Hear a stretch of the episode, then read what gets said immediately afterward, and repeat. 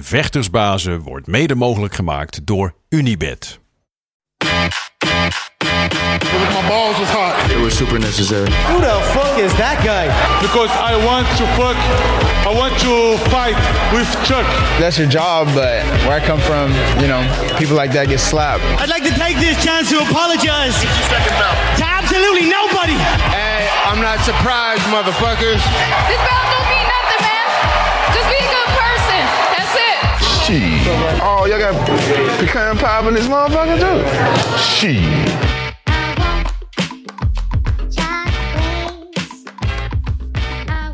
Het is maandag 25 oktober, alweer tijd voor aflevering 34 van de Gouden Kooi podcast. En eh, tegenover mij, zoals altijd en vertrouwd, zou het een week niet beter kunnen beginnen dan eh, met tegenover mij de enige echte, the one and only, the man, the myth, the legend, the hurricane. Ja, ja. Gilbert Eiffel. Uh, laten we meteen beginnen. Op een schaal van 1 tot 10, hoe geweldig is deze maandag? Tien.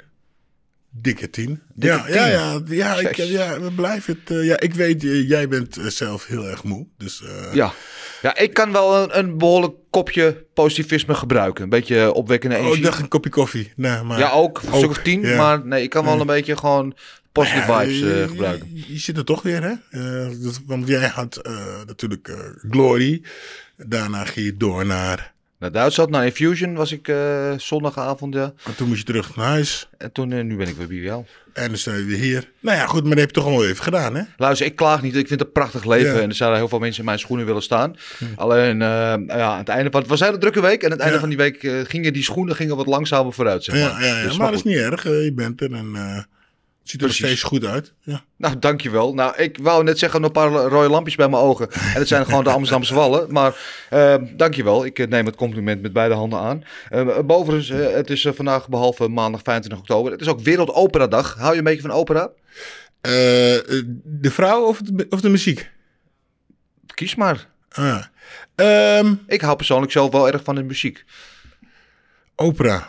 Ah, ik, ja, nee, geen idee. Eh, eh, het, ik, ik ben er net achter dat het, eh, het meisje ehm, stiekem, als zij in de auto alleen in de auto zit, dus niet dat saaie Funix en zo, maar gewoon opera, opera luistert. Dat wist ik helemaal niet. Maar ik, ja, ik ben er eigenlijk nog niet echt van. Ik ben Nee. denk ik nog iets te jong in hoofd en in hart om daarnaar te luisteren. Te jong. Nou, Ja, ben je nooit te jong voor. Ik, ik weet wanneer ik dat draai. Als ik thuis ben en ik ben aan het stofzuigen. Echt waar? Dan zet ik het echt op orkaanvolume zet ik het aan. En ik heb geen idee wat ze zingen, want het is meestal Italiaanse, Ja, soms ja, ja. Duits. Maar Italiaanse opera vind ik het mooiste. Maar gewoon keihard meeblaren. Oh, Fonetisch dan, want je weet niet wat ze zeggen. Heerlijk. Er zit zoveel passie in, gevoel. Daar word ik helemaal eh, blij van. Ga ik straks even doen. Misschien Oh. dat ik daar ook die positive vibes eh, van krijg. Ehm, het is overigens ook eh, International Dwarfness Awareness Day. Dus shout-out naar Roel van Velsen. En het is eh Wereld Pasta Dag. lekker. Wat is jouw favoriete pasta gerecht? Oeh. Ja, nou ja, je zit eigenlijk altijd goed met een pasta Ja, bolognese. Hè? Dat zie je eigenlijk altijd goed. Als we in Japan moesten vechten, dan eh, gingen we dat eten. Want eh, in het buitenland iets eten wat je niet kent, dan hè, vlak voor de wedstrijd is nooit een goed idee. De pasta bolognese zit je altijd goed. Ik vind eh, patro- pasta quattro formage vind ik eigenlijk ook wel lekker. Zeg ik dat goed trouwens? Ja, ja, Ja, ja, ja, goed. Ja, ja, ja, ja. Voor mij wel. Ehm, en eigenlijk, eh, eh, ehm, wat er nog meer? Die pasta met, die, eh, met spek, wat is dat weer? Weet je, dat is, ja, dat is heel goed. Het mooi bruggetje naar mij. Dat is mijn favoriete pasta. Dat is ook de pasta die ik het beste zelf kan maken. Pasta carbonara. Ah, dat is hem. Ja. Ja, die bedoel ik. Heerlijk. Ja, ja. Ei, parmezaanse kaas. Ja. Ja, kloppen. Beetje, nu een beetje pe- pe- pepperzout. Een beetje Ja, ja, ja, ja. Ja, die vind je ook verschrikkelijk lekker. Gebakken pancetta. Doe je ook een paar van die uh, dop dingetjes erin?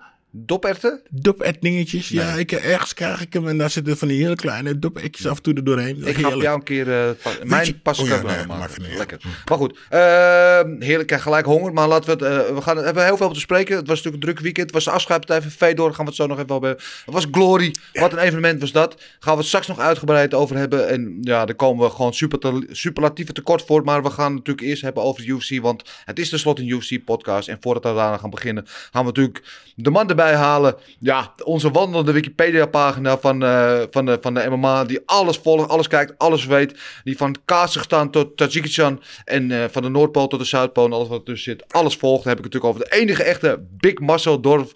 Marcel, goedemorgen. Hey, goedemorgen, hoe is het met jullie? Ja, het was heel goed. Hoe was je weekend? Goed man, altijd goed.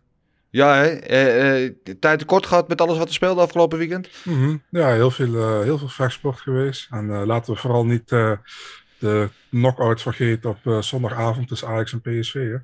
Oh, ja.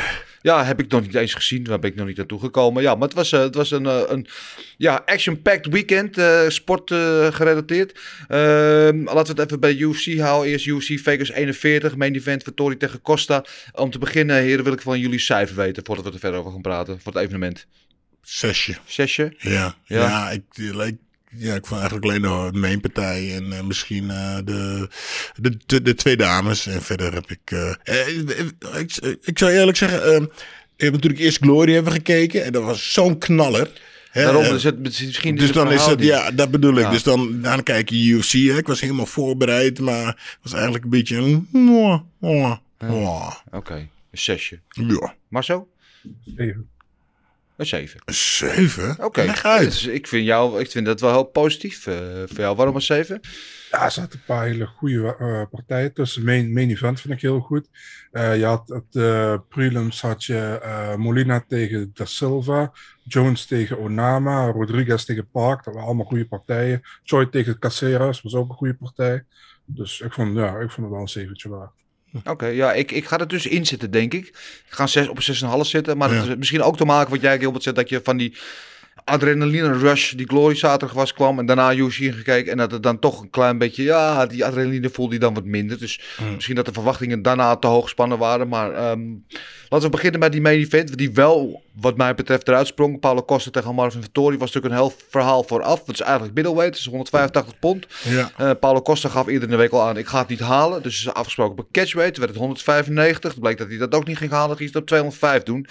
Ehm, ja, hele gekke toestand natuurlijk. En die kan je afvragen. Ik weet niet precies wat de reden is. Misschien heeft hij een hele gronde reden om dat te doen. Maar het, het lijkt wel of er altijd wat is met Paulo Costa. Vorige keer was hij dronken. Nu dit weer. Eh, maar eh, hoe het ook eh, zij. Ze deden het op, op light heavyweight op 205. Vittori was sportief. Ik zei geen gelul, ik neem de partij wel gewoon knokken. Daarmee ben je van mij al een winnaar. Want dat, ik denk dat heel veel gasten hadden gezegd. Want Costa is ook al heel groot. Van, Doe maar even niet. Hij nam gewoon de partij. En, en ja, niet zonder succes. Want dat deed het heel goed. Ja, ik, eh, het is een beetje een, een raasje geworden. Want eh Nate, eh, of Nick Diaz kon ook geen gewicht halen laatst. Hè, en hij mocht ook gewoon vechten. Ja. Ja, wat zal, zal erachter zitten? Want ja, dat weten we niet. Misschien komen we er nooit achter. Ehm, ja, eh, Marvin eh, deed het gewoon super. Ja. Weet je, maar eh ik dacht, Costa was wel heel gevaarlijk hoor. Met zijn trappen en... Ja, vooral die rechter trappen naar het lichaam, die kwam door. Ja, hij had een paar goede beuken ook. Zag er heel sterk uit. En ja, Marvin deed gewoon net ietsjes, ietsjes meer. Eh, ik vond hem, eh, ik vond hem eh, supergoed. En dan kon hij ze wegkoppen zeggen. Ja, nou, het nam een ze- kind van graniet. Want hij nam op een gegeven moment een high kick. Die echt precies onder zijn oor kwam. Of onder zijn kaak kwam. Waar ik denk 99% van de mensheid op was gaan zitten. Ja, En hij slikte hem weg. En hij ging gewoon weer naar voren. Dus ja, wat een ongelofelijke houten kop heeft die gozer. Maar ja, ik, ik vond, ik vond Vittori geweldig. Had veel meer output. Eh, inderdaad, wat je zegt, die granieten kin. En van Costa dacht je na een ronde of anderhalf van... Nou, hij begint vermoeid te raken. Maar weet je, en het zijn vijf blijft ronden. door. Maar toch blijft hij tot het einde aan toe. Bleef hij, en zelfs aan het einde van de, van de partij in die vijfde ronde kwam hij heel sterk terug. Was bij Vittori een beetje de tank leeg. ja. En, eh, maar het was te laat voor Costa om nog wat... te- hij kreeg de knockout niet voor elkaar. En Nee. de punten kon hij het niet meer winnen. Maar zo, wat was jouw indruk van deze wedstrijd? Goed gevecht, man. Ehm wel erg aan elkaar gewaagd. Ehm, ik had verwacht dat Vittori iets meer naar de grond zou gaan, maar volgens mij lukt het hem gewoon niet om, om Costa naar de grond te halen. Eh, Costa een stuk steviger eh, dan Dinges, dat dan op, op middleweight, zeg maar, nu light heavyweight geworden. Ik vond trouwens wel schandalig, maar wat die week is gebeurd. Maar, maar goed, wie ben ik? Ehm, Weet jij wat er gebeurd is? Waarom hij geen gewicht, gewicht, kon, gewicht kon halen? Nou ja, hij zegt op een gegeven moment na, na de, op de persconferentie zei hij van ja, ik heb nooit een contract getekend voor eh, middleweight, maar voor light heavyweight. Wat gewoon de grootste onzin is wat er is. Hij, hij had gewoon geen zin om, om dat gewicht te maken. En eh, Daarom is hij op light heavyweight. Ik heb ook gewoon het gevoel dat hij gekut wil worden door de UFC. Dat hij er geen zin meer in heeft. En dat hij eigenlijk heeft geprobeerd om onder het gevecht uit te komen. En dat hij pech heeft gehad tot hij tegen Marvin Vettori stond. Die zelfs op light heavyweight die partij had geaccepteerd. Dus, ehm, maar ja, hij kwam wel voorbereid. Want hij vocht in principe niet slecht. Dus eh, Zeker niet. ik, ik weet het niet. Maar eh, als ik de UFC was, ik zou met de rankings gewoon kicken. En ik zou hem gewoon verplichten om naar light heavyweight te gaan. Ja, maar dat, dat zei volgens mij Dana White. Dat, dat dat zei hij achteraf ja. inderdaad ook Ja. dat dat waarschijnlijk... eh, Dat hij vanaf nu gewoon alleen maar light heavyweight kon vechten. En dat hij niet meer Ja. mocht. Kijk, je moet je voorstellen dat ehm, hij staat op 205 in de kooi. Of althans, moet hij inwegen. Dus op het moment dat hij in de kooi staat, is hij misschien 220, 225, ik weet niet. Mhm, mhm. Is gewoon een heavyweight. Hij was 220. Was het. 220. Nou, kijk, dan ben je gewoon heavyweight. Ja. is 100 kilo. Dus, dus terwijl hij voor de middleweight ranking eigenlijk vecht. Ja, het, het kan natuurlijk ook niet. Je, en ik weet niet, in, in de VADA is het volgens mij niet zo. Maar in sommige staten in Amerika bij, is het nu zo de regel bij de Athletic State Commission. Als je gewicht niet haalt, eh, bij met een bepaald percentage, nou daar zit hij behoorlijk boven. Dan word je verplicht voortaan een gewichtsklasse hoog te gaan vechten. Ja. Dan mag je dus niet meer in die eigenlijke gewichtsklasse vechten. Dus Duidelijk, duidelijk. dat zou een ja. hele goede regel zijn. Ja. In dit geval ook voor Costa. Om gewoon te verplichten om daar naartoe te gaan. Want eh, ja, hij is voor de middleweight is natuurlijk ook bizar groot. En zelfs als light heavyweight, weet je, niet het idee dat er een papzak staat of zo. Nee, inderdaad. Is het nog steeds een soort van Adonis. Dus, eh, maar ja, al props eh, naar Vittori die het gewoon heel goed deed. Die de, de, dat in de eerdere ronde vooral eh, de partij naar zich toe trok. Veel output had. een paar keer Costa ook liet wankelen. En ik denk dat hij veel harten heeft gewonnen ook van, van de vechtsportfans deze week. Door, ja, gewoon door die partij aan te nemen en door het te staan zoals het er stond. Dus al props naar Vettori. Ehm, dan hadden we de co-main event tegen Grant Dawson en Ricky Glenn. Dat was een beetje een gek moment aan het einde. hè. Was het, ja, het, het werd een eh, majority draw. Ehm, waar eh, Dawson, het begin had hij natuurlijk met het worstelen had hij de overhand. Maar aan het einde van die wedstrijd was het moment dat het leek alsof Dawson opgaf. Dat hij aftikte of dat hij, dat hij klaar was. En Glenn liep ook weg. Maar toen werd, was de partij afgelopen. En toen stond hij uiteindelijk weer op. Was een beetje Marcel, hoe, hoe zag jij dat eh, moment? Dawson was het een beetje aan het uitzetten. De derde ronde. Hij had de eerste twee rondes gewonnen, naar mijn idee. Ja, en, ja, eh, ja, ja. Glenn, Glenn probeerde hem nog met een submission te pakken in de laatste ronde. En hij stak zijn duim op. Maar het had niet veel langer moeten duren, want dan was hij weg geweest. Hij zat op het einde en hij was uitgeput. Ja, maar was hij niet al weg? Ik, Volgens mij niet hoor. Volgens Nee, mij was nee, hij nee, nog wel een beetje bij. Maar eh, hij, hij, had wel, eh, hij was wel een beetje, hoe noem je dat, eh wazig zeg maar. Hij moest nog opstaan. En eh, toen kwam James Cross kwam aan zijn trainer. En eh, die volgens mij trok hij hem half op. En toen deed hij zoiets van, ja goed gedaan joh. Hij was een beetje van, eh zou je hem optrekken. Want eh, anders eh, eh, wordt er dadelijk nog, eh, hoe noem je dat, in eh, twijfel getrokken of je er nog erbij bent of niet. Dus, eh, maar eh, ja, hij, hij was wat mij betreft wel nog bij. Dus draag naar een decision. Ja, je kon hem 10-8 geven, die derde ronde aan Ricky Ja, Glenn. Dus ja. weet je wel, je kan ook je afvragen, een van die twee rondes, ik weet niet meer welke, had je ook een 10-8 aan Grant Dawson kunnen geven. Die was ook heel overtuigend. Dus ja, ja. ik, vond, ik vond het moeilijk. Je kon hem een draw geven, maar het kon ook voor Dawson zijn als je een van die andere rondes 10-8 voor Dawson had gegeven. Maar ja, het kon, Ja, die ja. draw. Ja, ik had, ik had er persoonlijk niet zo moeite mee. Het was, eh, wat, ja, een aardige wedstrijd, hè, toch? Het enige waar ik moeite mee heb, is dat de UFC een eh winbonus in een zak houdt. Daardoor. Ja. ja, eigenlijk zouden ze die moeten gewoon splitten dan ook, hè. Gelijkspel, allebei eh, de helft daarvan. Maar ja, eh, zo zal het waarschijnlijk niet lopen. Ehm, wat hadden we nog meer? We hadden Jessica Rose Clark hadden we terug in de kooi na twee jaar na een zware knieoperatie. Die opeens eh, ging grappelen. Die gingen wij shooten en doen zo. Wat we helemaal niet van haar gewend zijn. Natuurlijk meestal meer een staande vechter. Maar daar zag je meer de invloed ook. Want zij veel met DC, hè, Daniel Ja. Cormier getraind. Ehm, van Kamp ook gewisseld. Dus ja, goed voor haar. Het was niet een spetterende wedstrijd, maar ze deed wat ze moest doen. Trok de partij eh, gedegen naar zich toe. Ja, dus ik vond het wel. Nou ja, oké, een oké partij. Ik vond, ik, vond ze, ik vond ze wel eh, ah, goed knokken. Ja. Ja, niet heel erg, heel erg bijzonder, maar het was wel leuk eh, om te zien dat ze goed bezig was. Dat ze, be- dat ze be- bezig bleven, ja. Ja, absoluut. Ehm, dan hadden we Alex Caceres eh, tegen Songwo Choi. Ehm Caceres die won hem eigenlijk met een hele goede submission. Er was ook even weer een momentje van, eh, ja, eh, wat, wat is daar aan de hand met die eh, illegale knie die daar gebeurde. Caceres die daardoor aangeslagen werd. Ehm het punt werd afgetrokken. En Ca- En Caceres besluit dan om, om door te vechten, waar hij overduidelijk nog wel last van had. Mhm. Eh, anders dan andere vechters die op zo'n moment dan stoppen. Ga geen namen noemen. Ehm, en wint dan de partij. Dus eh, ja, goed goede overwinning voor hem, toch? Ja, lekker. Zag goed uit. Ja, die knie. Ja, ja, knie was eigenlijk meer bovenbeen op zijn gezicht. Eh, ja, vervelend.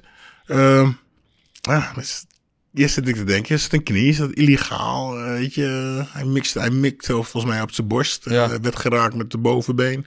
Ja. Nou goed, hij krijgt eh, wat hersteltijd en eh, vecht lekker door. En, eh, en eh, hij weet een eh, submission eruit te krijgen. Nou, Ja. Marcel, wat was jouw lezing van die situatie? Hij ging inderdaad voor de borst volgens mij en hij raakte Ja, zijn, ja. hij raakte zijn gezicht. Ik had, ik had niet per se een punt en aftrek hoeven hoor, vond ik. Want het was, het was niet echt met opzet van ik wil je, ik wil je, je gezicht raken. En eh, ja, Caceres vocht door. Ehm nou, eet je hard uit, Sterling zou ik zeggen, maar goed. Ik, neem, ik noem wel gewoon een naam Dennis. Ja, ja, ik liet hem even voor jou. Ehm, dus, ehm, nou ja, weet je, en Choi deed het heel goed in de eerste ronde, had een paar keer aangeslagen. En eh, ik denk, hij gaat ermee door. Maar in de tweede ronde pakte Caceres over, pakte die submission. En eh, ja, volgens mij heeft hij nu vier of vijf achter elkaar gewonnen. Ja, wie Ja, had dat ja. gedacht op een gegeven moment nog, nadat hij van Con Gracie verloor. Dus eh, ja, goed voor uh, Caceres. Alex Bruce Lee, Caceres, ja, en uiteindelijk maakte hij die punt aftrek dus ook helemaal niks meer uit, omdat hij het eh, goed besliste met een submission. Eh mooie knockout ook voor eh, Nicolai Negamurianu, eh, die echt eh, voorbij eh, Villanueva raasde, die eh, maakte korte metten met hem.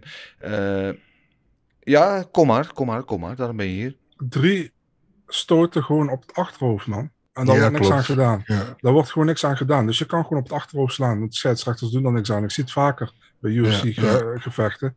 En eh, je hebt instant replay. Dus je kan Ja, er gewoon ja. naar kijken. En dan gebruiken ze dat niet. Dat vind ik onbegrijpelijk. Maar goed. Ja. Ja, maar klopt ook. Want, eh, hij, werd- hij beukte hem gewoon, gaf hem een hoek achter op zijn hoofd. En eh, eh, daar ging hij op neer. En eh, de grond kreeg hij ook nog drie of vier hammerfitsen, fist. Of ze, dus eigenlijk had ze die eh, eh, eh, ook een punt aftrek kunnen geven. Of Ja, zelfs, maar nou is het, is het misschien in zo'n situatie moeilijk te zien, want het is ook altijd de regel is dat als je het oor nog raakt, dan is het legaal. ja, maar hij raakte zijn oor niet. Het was gewoon echt, echt in zijn nek. Maar Ja, goed, maar en, goed. en je hebt instant replay. Dus Ja. waarom Ja. gebruik je hem niet? Ja, daar moeten ze misschien nog even aan wennen. Hebben het laatste natuurlijk het eerst gezien dat dat goed werd toegepast. Misschien moeten de scheidsrechters dat nog eventjes in hun Is het, eh, systeem is het krijgen. trouwens opgevallen dat ze strenger zijn, de scheids? Dus nu meteen een, eh, Meteen een punt aftrek. En nu ook trouwens willen ze het volgens mij ook gaan doen met als je de kooi aanraken. En, Ja, met de defense grabs. ja, dus ze zijn even wat minder eh tolerant, Ja. dat is het juiste woord. Het viel, het, het, het viel me al op. Het Ja, maar het is, ik, ik vind dat op zich ook maar- niet, niet erg. Want af en toe dan, weet je wel, dan geven ze een waarschuwing, een waarschuwing, een waarschuwing. Denk je, oh, op mhm. een gegeven moment, als je één keer waarschuwt, dan doen het nog steeds. Dan hebben ze de boodschap niet begrepen. Dan moet je gewoon, vind ik gewoon, je hebt een beetje wel in de situatie misschien invoelen. Maar ja, Het was, was het ook die eyepoke toch? Het was een eyepoke, daar kreeg je ook meteen een heb eh, meteen, aftrek, eh, ja, was ze van ik heb Ja. je al gewaarschuwd. En, toen- maar daar zei Ja. ook, was, was, volgens mij was het Jason Hurts ook. ehm, die zei ook van ja, ik heb je al een paar Oh keer ja, gewaarschuwd oh, dat tijdens het gevecht. Ja, van let op voor die het, vingers, want je hebt altijd je vingers uit. Ja, en nu heb- nu eh, gebeurt trap- dus dit. En de trap is een zak had hij gegeven. Ja, En daarna meteen, ja, dus er was eh, heel... Ja, ja, ja, ja, dus ik heb daar, ik eh, heb daar niet zoveel moeite mee hoor, eerlijk gezegd. Ja, maar dat vond ik wel wat. Choi had dan niet meteen een. Had eerder. eh, Ja, dat vond ik weer een, net iets te overdreven om hem een, een meteen een punt aftrek te geven. Want het was overduidelijk dat het eh, niet, niet met opzet was. En was niet echt een knie. Vind Nee. ik dan, hè? Maar het is wel iets wat het gevecht beïnvloedt. Want het gebeurt, het is een illegale techniek, bedoeld of onbedoeld. En het, het kan het verloop, het, gebeurt, het loopt nu de goede kant op voor de cashiers. Maar het kan het verloop van het gevecht natuurlijk negatief beïnvloeden. Dus ja, ik heb daar, ik heb daar niet zoveel Nee, moeite mee, moet ik ik, eerlijk eh, zeggen. ik, eh, normaal zou ik er wat eh, terug zeggen, maar ik weet, je bent een beetje moe. ik durf Ja. het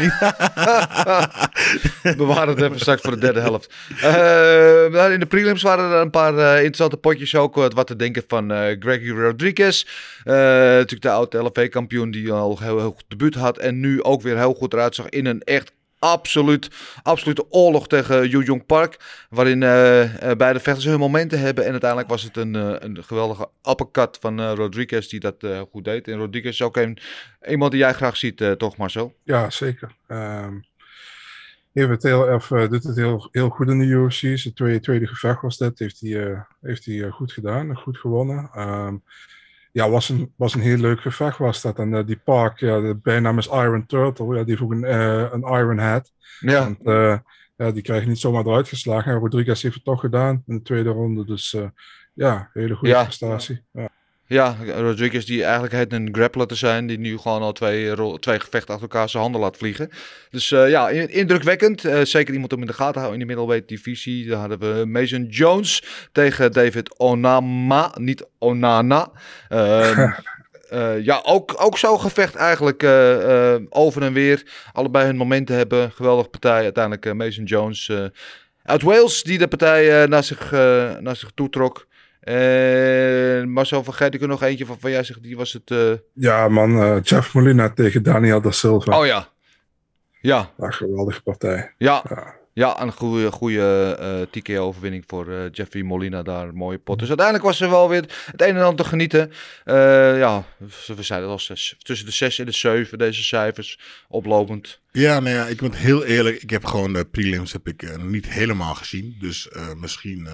eh even, ik ga vanmiddag even kijken. Dus misschien uh, stuur ik Oké. even een appje. dan komen we daar nog op terug. Misschien een half punt meer. Dan hoor ik dat nog wat je daarvan vindt. En dan kunnen we misschien het cijfer nog een beetje upgraden. Eh, volgende week hebben we wel een grote trouwens. Er is weer een pay-per-view. Dus dat is altijd mooi. Pay-per-view zonder dat je voor hoeft te betalen, geloof ik, in Amerika. Wij hoeven er sowieso niet voor te betalen, dus dat scheelt. Ehm, laten we naar... We willen het heel. Ja, Ik wil even vooruitlopen op gokken op knokken. Hè? ja. Eigenlijk, eigenlijk moeten we bij pay-per-views moeten we wel de hele main card gaan doen. Vind je zelf ook niet? Alleen bij nou, pay-per-views. Nou, nu, die, nu je het zegt, ik weet dan niet alle pay-per-views, maar het komt, er komen een paar eh, gala's of Ja. een paar dingen erop dat, je, dat ik ook precies hetzelfde denk wat Marcel nou zegt. Dat ik van nou, we kunnen eigenlijk wel meer partijen eh, doen, want er komen een paar echte beukers aan. Ja, kunnen we wel gaan doen. Gaan we niet vanaf deze week doen, eh Marcel? Want eh, ik ben niet op voorbereid. Nee, ik ben blij dat ik het leven heb dat ik hier zit. Dus dan gaan we. Maar is, eh, we gaan het in het juryberaad meenemen. Dan gaan we het, komen we op terug. Ik denk dat we het wel doorheen krijgen. Ik heb goede contacten daar, dus dat moet vast wel lukken. Ehm, we willen natuurlijk allemaal heel graag over Glory hebben. En, en dat gaan we nu vanzelf doen, want we gaan naar de luisteraars vragen. En jullie hebben heel veel vragen ingestuurd. En die gaan heel veel over Glory. Dus nee, we even eventjes, voordat het toch over die luisteraars, ik wil het toch eventjes gewoon over hebben. Rico, kunnen we nu voor eens en voor altijd dat hele gelul, we hebben het vorige week over gehad, hij is een goede atleet en hij is fitter dan de rest en dat is het eigenlijk wel. Kunnen we dat alsjeblieft nu gewoon dood begraven, die discussie? Nee, sorry. Ik, eh, ik ga ervoor zitten. Kom maar op. Ehm, eh, luister, ik vind Rico super vechten. Helemaal naar, dat, naar Badder 2. Ja. Dat hem neersloeg. Hij stond Twee op, keer, vocht ja. gewoon terug en hij brak Badder gewoon. Ja, Ehm, ik vond, vind eigenlijk dat de schuld eigenlijk iets meer bij... Je mag gaf het gewoon op, ja. vind ik. ja maar waarom? Eh, dat weet ik niet. Omdat, omdat het slap is. Sorry. Eh, eh, Rico was. Ze waren allebei kapot. Ze waren allebei kapot. Jamal was kapot. Rico was kapot. Eh, Rico ging wel door. Hè? Je bent kampioen, je moet door. Eh, ik denk, eh, ja, als. als en niet tegen Rico. ik zit meer eigenlijk de schuld van Jamal zelf. Dat je gewoon even het hard had moeten vechten. Ja, ja, Ja, nee. Kijk, je, ik, nogmaals, hè, Rico deed wat hij moet doen. Hij is de kampioen en hij vocht gewoon hard. Hij deed, hè, zijn oog lag er bijna uit. Hij vocht als een malle terug. Hij deed echt goed. Maar ik vond... Je, je, man gaf op. Waarom? Nou, zo ik het zie, ik... Kijk, we weten allemaal dat al, hoe langer die partij zou gaan duren, hoe kleiner de kansen van Jamal zouden gaan worden. Dus Jamal had hem op een gegeven moment in die tweede ronde. Hij slaat hem neer en toen heeft hij hem geprobeerd te finishen en dat is niet gelukt. Klopt. Toen heeft hij al zijn kruid verschoten, heeft hij alles Klopt. op alles gezet. Ja. Was er bijna, is hem niet gelukt. En daarna kwam, want Rico heeft gewoon, behalve dat hij eh, fit is en atletisch is en eh, eh, goede technieken heeft, heeft hij ook gewoon karakter. Dat heeft hij eerder al bewezen. Mhm. Ja, ja, dat dubbel en ook. bewezen. Dat- En ik was in die zaal en het was echt gewoon een Rocky moment. Er was niemand meer, er waren 18.000 mensen in het Mhm. stadion, niemand meer die op zijn stoel zat. Iedereen, tot de, de productiemensen en, en, en de waterdragers en de ringgirls, iedereen stond gewoon Mhm. op, op boven op zijn stoel. En eh, van wat gebeurt hier over en weer? Want er waren op het moment dat Jabal al half uitgeteld in de touwen ging, Ja, dat hij nog aan het zwaaien was. Ja. En dat hij nog Rico raakte. Ja, ik, ik vond echt... Het enige wat er nog ontbrak aan het einde... is dat Rico de microfoon pakte en heel hard riep... Adrian! Ja, ja. Ik, vond, ik ik, vind- vond het heroïsch, ik vond het meeslepend. Ik vond het echt serieus een van de, van de beste heavyweight partijen die ik ooit heb gezien. Ben ik helemaal mee eens. Ik ben daar helemaal mee eens. Eh, en je zegt het juiste woord, het karakter. Ik, had, ik denk dat Jamal iets meer karakter had gehad. Ik denk dat, ja, ik, het- ik hoop dat ik het goed zeg. En eh, het gewoon uit had gevochten, want hij gaf op. Dan weet ik nog niet wie die zou hebben gewonnen. Want ze waren allebei kapot. Ja. Ze waren allebei kapot. Eh, Rico spuugt zijn beetje een paar keer uit. Jamal was kapot, weet je. En, eh, eh, je weet niet, hè? Misschien dat er een. eh, Rico kon er niet meer. Rico, Jamal zegt, nou, weet je, ik ben zo moe, sla me maar. Want misschien gaan we maken dan maar zo een eind aan. En dat probeerde Rico, maar die kreeg, kreeg hem er niet uit. Ze Nee. waren allebei stuk. Nou, en dat zie je natuurlijk Rico als, als kampioen. Hè? Die moet, zal winnen. Nou, en Jamal wilde uiteindelijk gewoon niet winnen. En, en dat wat je zei, hij, hij verschoot zijn kruid. Hij heeft zijn. Hè? Maar, ga gewoon door, man. Ja, maar Waarom geef je op? Eh, excuses zijn eh, voor watjes, maar we wel in ogenschouw nemen wat Jamal eh, afgelopen jaar met de rugblessure, met zijn verplichte vakantie, hij heeft toch een operatie gehad vanwege, omdat die, die, de kliertjes weer terugkwamen Mhm. met zijn ziekte. Dus dat allemaal in oogschouw nemen, maar hij komt van heel ver. Drie jaar niet gevochten en dan meteen, weet je, op het grootste po- Ja. Ik, het zijn... Het zijn geen excuses, maar het zijn verzachtende omstandigheden. Dat- we weten eh, waar hij vandaan komt. En dat hij dan toch nog zo dichtbij komt. Ja, alle props aan hem. En alle props aan Rico dat hij het ook zo doet. En voor mij wat betreft, en dat was hij voor mij al. Maar het is nu eens en meer duidelijk. Rico hoort gewoon wat mij betreft bij de all-time greats. Punt. Oké. Dat, ehm ehm Jamal, kijk, eh, wat je zegt, is geen, geen excuses. Eh, hij heeft weinig, iets minder getraind. Het was niet, eh, niet voor Rico voorbereid. Maar als je hem in de eerste ronde neer had geslagen, hadden we dat ook niet gebruikt, toch? En eh, ik ben voor Jamal hoor, Eh, laten we eerlijk zijn. Ja, tuurlijk. Jouw sport ook begrijp ik. Ehm, ehm, eh, Rico heeft helemaal bij Badder heeft hij, heeft hij mij in hem doen geloven. Ja. Ehm, ik vond het nu ook hè, dat hij heeft laten zien van luister, ik ben de kampioen en ik. Hè? Ja, toch vind ik nog steeds dat. ehm, hoe zou ik het beste zeggen? Hè?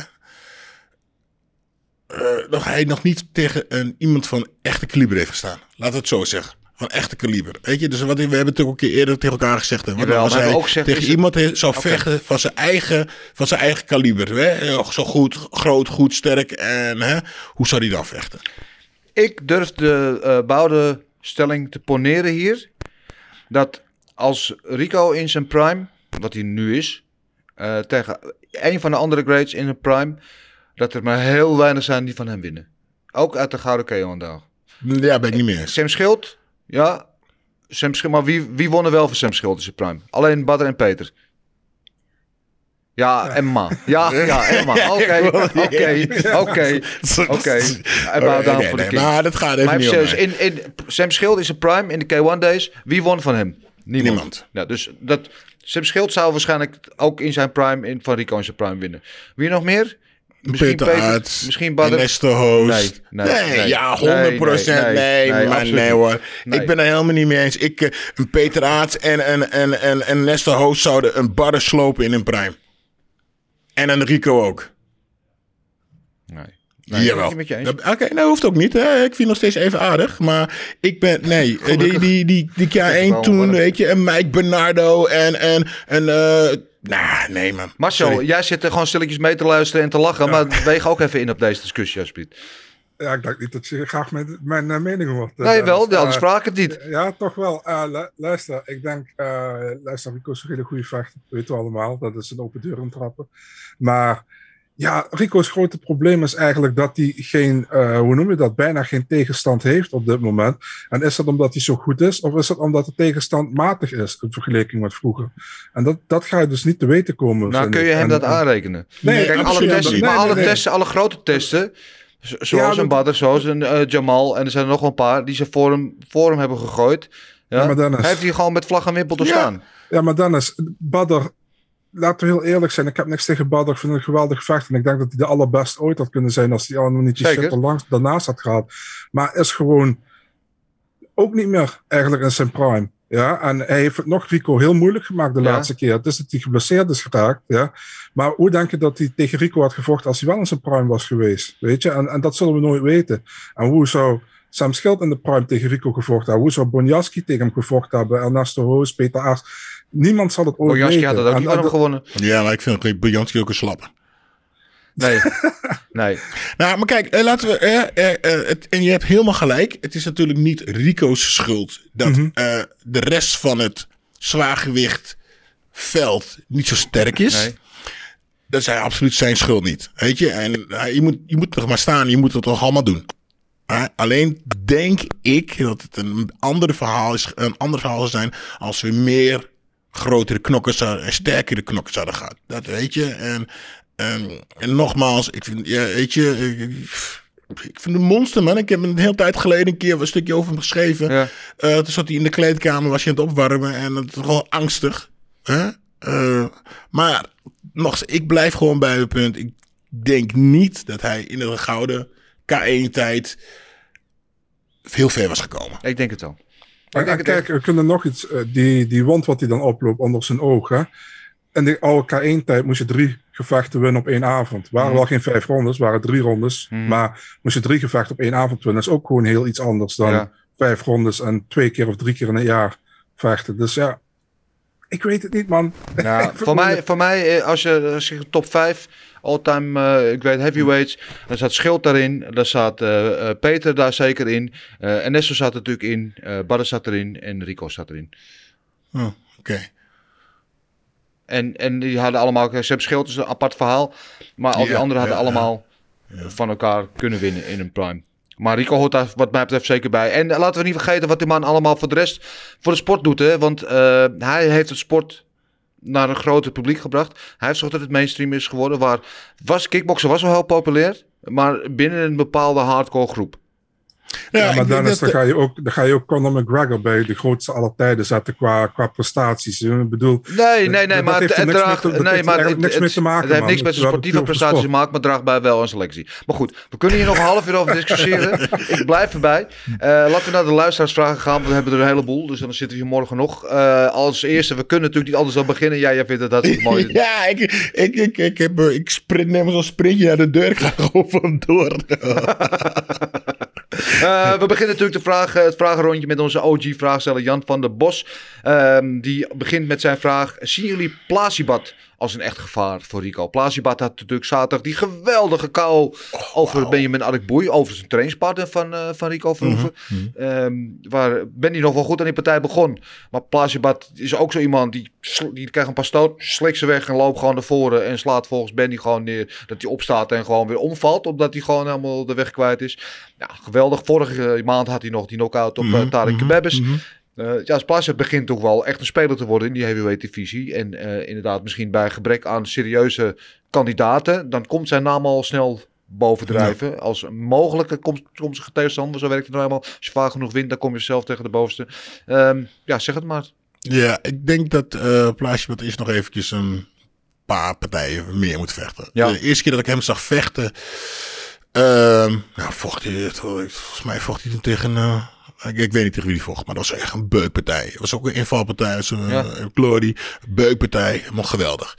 Maar ja, dus de ene laatste partij vond ik, ehm nee, heeft trouwens voor die, eh, voor eh, de drie partijen hiervoor. Ja, Ehm ja, vocht, Ja. vo- voor, eh, vorige partij tegen Kebabis. in het toernooi, in het toernooi dat hij vocht. tegen ja, toen vocht hij een beetje... Maar, maar, Nee, ja. vond ik Nu- ook wel dat hij had gewonnen. Maar ja, inderdaad, maar het kan er niet uit. Want ik train dan met, met hem op de sportschool. En dan, ik weet ook wat hij kan. En dat kan, toen kwam het er niet uit. Nu, de- in de laatste keer wel, nu ook weer. Maar hè, laten we eventjes, laten, eh, laten we nog eventjes eh, drie of vier eh, ja. partijen vechten. En dan, eh, Het probleem is, eh, Benny is de nummer 2. Jamal is de nummer 1. dat is zijn trainingsmaker, dus daar gaat hij tegen vechten. Ehm, dus er zit niet zoveel tussen meer voor Ja. hem. Ja, nou ja, daarom meteen, meteen tegen Rico te zeggen. Te zetten, ja. ja, nee, maar ik- gaan we het zo nog ja. over hebben wat we met Rico gaan doen. Want dat, ik denk dat het al wel duidelijk is. Ehm ja, Plaasje Bad. Ik denk dat hij uiteindelijk wel zijn kansen krijgt. Oh, Misschien dat hij nog een potje of eh, twee moet. Ehm Saki, laten we het daarover hebben. Wat vonden we van zijn, eh, van zijn comeback?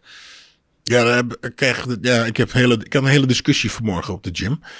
Ehm, ja, dus, eh, precies wat hier staat. Eh Saki won, maar was niet zo super overtuigend. Eh, dat zijn de anderen ook. Ik zeg, nou, ik ben het niet mee eens. Want die jongen, ehm, nou, deze jongen zei van, ja, hij was niet zoals vroeger. Ik zeg, nou, volgens mij heeft hij er zes jaar uitgelegen. Dat is Hij één. heeft zes jaar niet gekickboxd. Ja. Ja. En twee, hij heeft deze partij ook op wat, twee weken, tien dagen nodig. Dus even een weekje kunnen trainen of zo. Dan kun je natuurlijk niet vanuit gaan dat je het beste gevecht ooit krijgt. Maar alsnog was hij gewoon een knokker. Was hij, deed hij toch wat hij moest doen. De McSweeney had gewoon 0,0 kans. Ja. Zo zie ik het. Ja, McSweeney die nog nooit knock-out was gegaan. Die gewoon op low kicks eruit eh, werd ge gejengst. En inderdaad, ik vond ook Saki... Ja, hij neemt die partij op twee weken notie. Is half getraind, want volgens mij was hij helemaal niet zo fit. Eh, inderdaad, zes jaar niet gevochten. Eh, is inmiddels ook geen piepkuiken meer. Nee. Weet je, 38, dus de jaren gaan er een beetje tellen. Dus je mag ook niet verwachten dat het hetzelfde zaakje is als eh, tien jaar geleden of zo. Ehm, en dat allemaal in oogschouw nemen, vond ik dat hij behoorlijk goed uitzag. En het was entertaining. En de opkomst met de Rocky muziek, de hele zaal op zijn kop. Ik, ik, ja, nee, we zijn het met elkaar eens. we zijn het met elkaar eens. Gaat de goede kant weer op, mensen. Eh, wat denken jullie dat Blachowicz een belt behoudt en dat Jan de interim belt pakt? Daar gaan we gok op knokken, gaan we het daarover hebben zeker. Eh, MMA Fanatics via Twitter, matchmaking voor Jamal en Rico. Gaan we het zo met matchmaking ook even over hebben. Ehm, waar rank je Fedor als all-time heavyweight? Marcel, kom er maar in. Nummer uno. Nog altijd. En eh, gewoon qua legacy. Tien jaar bijna ongeslagen geweest. Dus 2000, 2010. En daar gaat niemand aankomen. Kijk, eh Stipe heeft, doet het geweldig UFC. Hij heeft de vorige keer dan verloren. En heel veel mensen zeggen dat hij de heavyweight goat is. Maar hij heeft niet die legacy die, die Fedor heeft neergezet. En Pride was destijds gewoon beter dan de UFC qua heavyweights, man. En eh vond ik. Dus voor mij Fedor nog altijd. En hij is ook niet op dit moment misschien de beste vechter. Maar qua legacy is hij gewoon nog altijd de GOAT en de heavyweight, vind ik. En eh, hij, heeft het gewoon weer, hij, hij heeft het gewoon weer laten zien tegen de nummer 2 in Bellator. Hij heeft, gewoon, die heeft hij gewoon knock-out geslagen na anderhalve minuut. Dus ja, wat, wat wil je meer? Ja. Weet je? Ja, nee, daar ben ik mee eens. Ik ben het, ik ben het er gewoon helemaal mee eens. Eh, weet je, ik, eh, ik kan niet zomaar een, UFC of een, een heavyweight bedenken dat ik denk van nou, weet je, Stiepe, wat, Stiepe, wat dan? Heeft vier partijtjes gewonnen of zo, even normaal. Ehm eh, dan, ik eh, las, ik zag ergens Daniel Cormier had gezegd dat Federer eh, in zijn prime bij de UFC een een average, Average fighter, ja, ja. maar donder op, Maar die Hij Ziet sloopt tegen iedereen. dat het even de beste was. Ja. Dus die zie je denk ik een beetje aan het Costa-sap te veel. Dus Ja. voor mij ook al. Voor mij is Fedor de GOAT. Hm. En niet eens per se alleen de heavyweight GOAT. Voor mij is hij gewoon een, een van, misschien wel de GOAT. In, eh, in, maar inderdaad vanwege die legacy. Tien jaar lang ongeslagen en alles eromheen. Het is gewoon, het is gewoon een legend. En ik vond het heel mooi om te zien. Ondanks dat ik vooraf een beetje gering eh, schattend deed over die, eh, die, die vrachtwagenchauffeur waar hij tegen moest vechten. Eh, maar het was mooi voor hem. Het was mooi gedaan door Bellator. Props naar hun. In Moskou, gewoon in zijn thuisland voor eigen publiek. Eh, op zijn schild naar buiten gehezen worden. Dat is wat je graag ziet. Je, wil, niet- je wil niet je oude helden in elkaar geslagen zien worden. En dat dat de laatste herinnering is eh, die je aan ze hebt. Dus wat dat betreft goed, eh, goed gematchmaked eh, door, eh, door Bellator. Een mooie afscheid. En ja, ik ja, wens hem al het beste toe. Want het is voor mij is het inderdaad de GOAT. Hoe zien jullie Costa tegen light heavyweight contenders als Prohaska, Smit, Rakic, eh et cetera? Ja, want dat hadden het net al eventjes over, hè, dat hij waarschijnlijk eh, in de light heavyweight divisie moet blijven. En ook als light heavyweight is het nog steeds geen kleine jongen. Ehm, ik zie wel potentie voor hem in die divisie.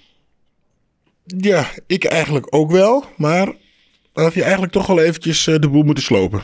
Ja. Nu. Dus nou eh, laat hij dan eh, eh, het kaas van zijn brood eten door iemand die dan toch een stukje lichter is. En die dan eigenlijk meer op hart en ja, hard, eh, eigenlijk meer op hart wint. Weet je, maar ja, als je dan tegen een normale light heavyweight gaat vechten, eh, ja, eh, hoe ga je, ga je dan presteren? Want je, je kan nu niet van een lichte persoon winnen. En ja, Ja, Marcel? Ja, we moeten het nog zien. Ik weet het niet. Eh, moeilijk, moeilijk in te schatten. Eh, hij heeft wel zijn power nog altijd. Maar ja, light heavyweight hebben ze ook iets meer power dan de middleweight waarschijnlijk. Dus ehm, ja, en, en ik denk dat, dat die light heavyweight grapples zijn makkelijker naar de, naar de vloer krijgen dan dat uh, Vittori kan. Die normaal op middleweight vecht. Mhm. Dus eh, valt nog te bezien allemaal. Ligt een beetje tegen wie zijn match in zijn eerste Ja. gevecht. Waar Ja. komt te staan, denk ik. En we toch wel eh, mooie matchups te bedenken. Zoals tegen Dominic Reyes of eh, Thiago Santos. Ik zie wel wedstrijdjes dat ik denk, nou dat lijkt me wel op voorhand op papier in ieder geval een leuke pot. Eh, maar we gaan er denk ik snel genoeg achter komen. Want het lijkt erop dat hij in die divisie moet gaan blijven. Dus eh, we zijn benieuwd. We gaan het afwachten. Eh Koen Bas via Insta. De knees, dus de knieën in het Nederlands, leken een grote rol te spelen. Hoe zien jullie dat? Ja, ehm, ik weet niet of je die benen van Rico wel eens hebt gezien. Het zijn net boomstammen. En ehm, veel mensen onderschatten hoe hoeveel impact die low kicks van hebben. En hij gebruikt veel ook die pushkick. Hij heeft ook een beetje die karate-stijl, die pushkick. En dan komt hij met die stoot overheen. En er zit wel wat massa achter. Dus die, die knees en, en in ieder geval die beentechnieken van hem, die, gebruikt, die spelen volgens mij een grote rol, toch? In zijn, eh, in zijn game. Sorry, ik heb een ding meer. Ehm, ja, maar volgens mij raakte die eh Jamal niet echt. Ja, het, het was eigenlijk meer dat hij zijn hoofd naar zijn knie duwde dan, eh, dan echt de knie naar het hoofd. Nee, maar hij had nog een paar keer die, die, die prik in die buik, wat toch de lucht wegnam, de low kicks. Ehm, Ja, mensen hebben het over knieën. Dus ja. Ja. ja. Nee. Eh, Marcel, Ja, ik durf niks meer te zeggen. nee, maar ik, ik, ik, heb, ik heb wel nog een vraag hierover overigens. Want eh, ik, ehm, de, op een gegeven moment waren er nog, stonden nog 10 seconden op de klok. Volgens mij was het de derde ronde. ja. En de scheidsrechter kwam tussen beiden. En vervolgens mocht Rico nog even 30 seconden unloaden op eh, Ben Sadiq. Ik weet niet eh, of jullie Ja. dat ook gezien Ja, hebben. wat staat er even van? Dus dat is inderdaad ook een vraag eh, van officieel vechters. Die vraagt ze hetzelfde. Die heeft het getimed, 24 seconden was het. Dat Rico door moest slaan naar de bel. Ja, maar dat mocht Jamal dus ook. Alleen hij deed het niet. Volgens mij, weet je, het was, het, het was zo'n eh, eh, eh, respectvol teringzooi. Hè? Ja. Zo'n, eh, jongen, laat me rust. Eh, dat, ehm, eh, volgens mij hoorden ze de bel niet. Ik, ik hoorde Nee. het ook niet thuis, weet Nee. je. Het was gewoon eens één, eh, het was heerlijk zooitje. Ja, het was, het was een, eh, een eh, bel malfunction, eh, zullen we het zeggen. Maar ja, het was, het was, was een foutje. Maar, maar het zeggen dat Rico daardoor het voordeel had. Nee, want Jamal mocht toch ook doorvechten? Ik bedoel, dat is gewoon, je moet gewoon vechten tot de scheidsrechter zegt stop. Dus nee, ik Ja. vind dat een beetje, mensen zoeken dan een beetje excuses. Of Rico, Rico eh, probeerde tijd te kopen, dus een beetje uitspugen. Nou ja, ik vind dat, ik heb er niet zoveel mee. Ja, maar het is, Ehm, toch gewoon, het is toch gewoon een goede vraag, of niet? Dat is een goede vraag. Ja, dat, Dat is ook een goed antwoord. Ja vind, ik, wel- vind ik tegenvallen, Dennis, als ik heel eerlijk ben. Ja, ja. Dus, eh, maar, maar goed. Marcel, disagree. doe, doe nou rustig. Jij zit daar, hij zit tegenover mij, ja? Oké? Ja, klopt. Rustig, oké? Ik bik je niet bij. Ja. Ehm, Dick Sikkelerus via Insta. ehm, vonden jullie dat Rico en Jamal te lang mochten doorvechten met hun zware blessures? Ja, ik, denk, ik weet niet precies wat je bedoelt met zware blessures. Ik denk dat je het hebt met Rico over die, die kut onder zijn oog en het oog dat dicht zat. Ehm, nee, ik had even contact ook met, met eh, Stefan Lems, hè, de, de, de cutman, die eh, bij Rico ook in de hoek stond, die dat heel goed eh, dichtsmeerde, dat hij dat hij door kon. Die zegt, ja, de kat zat onder zijn oog. Ja, dus het, het, geen gevaar van het in zijn oog bloeden. De dokter heeft het gecheckt. heeft gecheckt of zijn zicht er nog was. Zicht was er nog. Dus daar mag je doorvechten. Ja, hij zegt ook, ja, in de MMA zien we veel ergere dingen dan dit. Daar hoor je niemand erover. En nu eh, maakt iedereen een toestand van onzin. Nee, je hebt helemaal gelijk. Ja, ja, ik ben Eh, er eens. We kregen, we Marcel? kregen, eh, we kregen eh, ik, dit direct op de sportschool natuurlijk. Ja, maar zijn oog. Dit. Nee man, het is natuurlijk omdat wij Jamal zijn. Hè, en wij hoop, willen, hè, we hopen. Maar het is onzin man. Ik had er gewoon doorvechten. Je had helemaal geen... Hè. Eerder, eerder eigenlijk nog zouden ze eh, Jamal moeten laten stoppen met die scheur in zijn been. Weet je, en... eh, ja, nee, dat oog van eh, Rico zag er natuurlijk heel naar uit. Maar dat, daar mag je gewoon door mee vechten. Ja. Kom op. Ja, ja precies. Dus eh, nee, Dick, dat vinden wij niet. Eh officieel vechters zoals Matthijs G. vroeg zich ook af of Plaasjebad nu tegen Rico moet. Hebben het over gehad. Eh, Tim Vellema via Instagram vinden jullie terecht dat UFC Costa voortaan laat heavyweight laat vechten? Ja, hebben het ook over gehad. Eh, Robin Dort heeft ook een vraag over het oog van Rico, net behandeld. Wat is next voor Hamisha? Vraagt Lars Winter. Ik zeg af en eh daarachter title shot. Ja, lijkt mij wel. Ja, nou ja, ik ben niet heel erg. Ik heb hem zien vechten. Hè, eh, maar je had het laatst ook met Mike er al over. Hè, je dat, en die volgens mij zei Mike ook al uh, title shot. En ik ga gewoon met jullie daarin mee. Ja, het is zonder meer eh, ja, een van de beste in deze divisie. Blind heeft nu eh, drie keer achter elkaar, of vier keer achter elkaar, eerste ronde KO gewonnen. Moet je nog meer doen? Ja, title shot eh, lijkt mij op zijn plaats. En ik kan me niet anders voorstellen dat dat binnenkort gaat komen voor hem. GB 1004. GB underscore 1004 via Instagram. Match to make. Duut versus Abena. Ja, die hebben natuurlijk tegen elkaar gevochten. Die vinden elkaar niet aardig. Elke keer als ze bij elkaar in de buurt komen, dan gaat het helemaal los. Uh, ik was afgelopen week natuurlijk in het hotel. En toen kwamen ze elkaar daar tegen op de mediadag tussen de fotoshoot en de interviews in. En die stonden daar echt serieus 10 minuten op een meter afstand van elkaar tegen elkaar te schreeuwen. Maar ze deden uiteindelijk niks. Ze deden eigenlijk niks. Er kwam wel wat beveiliging tussen en werden uit elkaar gehouden. Maar ja, tuurlijk. Ehm, het is natuurlijk een beetje raar, want Abena heeft natuurlijk verloren. Duut heeft gelukkig weer een keer gewonnen. Dus je kruipt misschien dan wel het- de virtuele ranking wat eh, dichter bij elkaar. En, maar ongeacht van de ranking. Ja, die moeten gewoon met elkaar vechten, man. ja. Ik stuurde je nou dat filmpje toe. Eh, Jij doet niks. Nee, jij doet ook niks. Eindstand, dit is allebei niks. ja, nee, die moeten gewoon lekker met elkaar vechten. Geen drie rondes, maar vijf rondes. Ja. Gewoon, weet je, niet piepen. Dan gaan we even het harde trainen, alle twee. En eh, net zolang tot er eentje neer is. Ja. Hoi, ja. Dus stuur de scheidsrechter even naar de wc. Kunnen ze- Nee, nee, want anders gaan ze hangen en plakken aan elkaar, weet je. Maar eh, Nee. ja, nee, lekker eh, knokken. Ja, moeten we doen. Ehm, Pierre M. Pix via Insta moeten we terug naar de oude K1, K1 rules met clinch, knee, veegt en nieken nee. Want de K1 heeft juist al die dingen eruit gesloopt uit de regels. Dus eh, ik- Nou ja, dat. Het veegt niet. Nou, eh, waar ik het niet mee. ehm, ben ik niet helemaal mee eens. Eh, want je kunt heel veel leuke dingen doen. Te lang cleansen, snap ik. Hè? Want eh, dan krijg je dus een partij zoals Jamal en Rico. En dan is eentje is moe en die blijft dan 10 minuten vasthouden. Nee, maar als iemand trapt, je vangt de benen in, maar geef hem een veeg. Ja, waarom niet? Nee, maar en, en K1 heeft toch juist alles gedaan om dat soort regels eruit te halen. Want in het begin mocht je wel het halfpak in knieën. En op een gegeven moment was de regel, mocht je nog maar één knie doen. En eh, op een gegeven moment mocht je zo dat niet meer. Nee, Mocht je- ja, nee, ja, ik snap. Ja, Alice werd toen die partij tegen Tyrone Spong kreeg je daar een eh, officiële waarschuwing voor, Ja. omdat hij dat herhaaldelijk deed. Dus eh, nee, dat zijn niet de oude K1 rules. Hoe is next voor Rico? Gaan we het zo nog over hebben. Wat is de toekomst voor Sadiq? Vierde gevecht met Rico zie ik niet zitten. Ja, ik eerlijk Ja. gezegd wel. Wel, man, dat is Ja. een match. Ja, Weet je, en dan, eh, eh, eh, dan ja, voorbereid. Ja, meer. ja, ik, nogmaals, hè, ik denk dat eh, Jamal. Nou, dat had hij ook. Hij had gewoon een goede kans. Hè. Ja. Rico was gewoon de betere dit keer. Hè? Weer de betere, hè?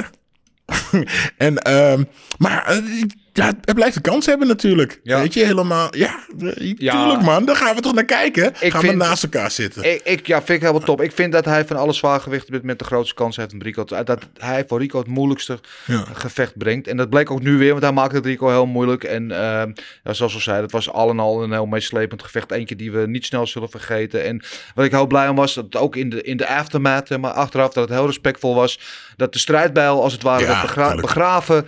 Eh, geen gekkigheid van Jamal vorige dat hij wegliep zonder handje te geven. Gewoon netjes, keurig, als sportmannen. En eh, Rico die dat ook gewoon heel hoffelijk in, in ontvangst nam. Weet je, Maar ja, dat, dat moet ook, man. Je slaat elkaar de koppen in elkaar. Weet je, ik snap je voor de partij vind je elkaar niet leuk. Tuurlijk. Je slaat de koppen in elkaar. Je wint of je verliest.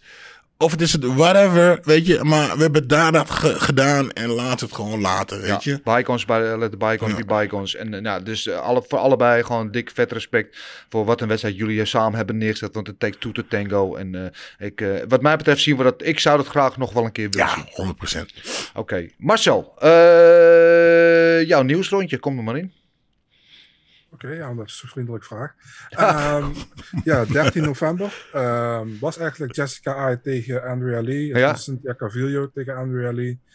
Ai eh, heeft nog, eh, ik weet niet, volgens mij was ze was ze weer een operatie ondergaan of ze had nog last van een oude blessure. Ik weet het niet, maar dat is nu nieuw. Oké, Ehm nou, op 4 december, Clay Guida terug in de octagon Ja. tegen Leonardo Santos. Goed dat Clay Guida, ook onverwoestbaar. Hè? Ook, het begint ook langzamerhand eh, een soort van UFC meubilair te worden. Mooi. Ja, we op 11 december UFC 269 Josh Emmett tegen Dan Ige. Leuk. partij volgens mij. Ja, dat is volgens mij wel een leuke partij. Ja, goed ook eh, om Emmet weer in actie te zien. Daar kijk ik ook wel naar uit. Mhm. Een week later heb je Reoni Barcelos tegen Trevin Jones. Ook leuk. Dat Ja. zit ook wel veel actie in de pijplijn, denk ik. Inderdaad. Dan hebben we 2022. Ja, 15 januari. Ja, het is niet echt een gevecht waar ik naar uitkijk. Maar het is wel een belangrijke voor de ranking. Rematch tussen Caitlin en Jennifer Maya. Eh, ja, ja. Die Chikeke natuurlijk een beetje de gatekeeper van die divisie. eh, eh, niet de meest spectaculaire, maar wel goed en eh, moeilijk te verslaan. Dus de Mhm. eerste, is dat het eerste UFC-evenement van eh, 22? Yes. Ja. Ja, 15 Hey, januari. Marcel, je had het over dat de UFC wat twee, drie maanden niet... eh, Een maand. Een maand, ah oké. Tussen, eh, tussen 18 december en 15 januari zijn ze niks. Ik ben, ik ben heel- vooral heel benieuwd naar eh, hoe de Twitter-likes eh, van uh, Chukeke inmiddels zijn. Voor de mensen die het niet weten. Wat ik daarmee bedoel, moet je zelf maar op onderzoek uitgaan. Gilbert, pak maar deze telefoon. Eh, wacht even, wacht even. Laat maar. Nee, Volgens mij is geen Twitter meer. Of althans, niet echt... eh, kom goed. Vechter? Nee, nee. Marcel, ga door. Oké.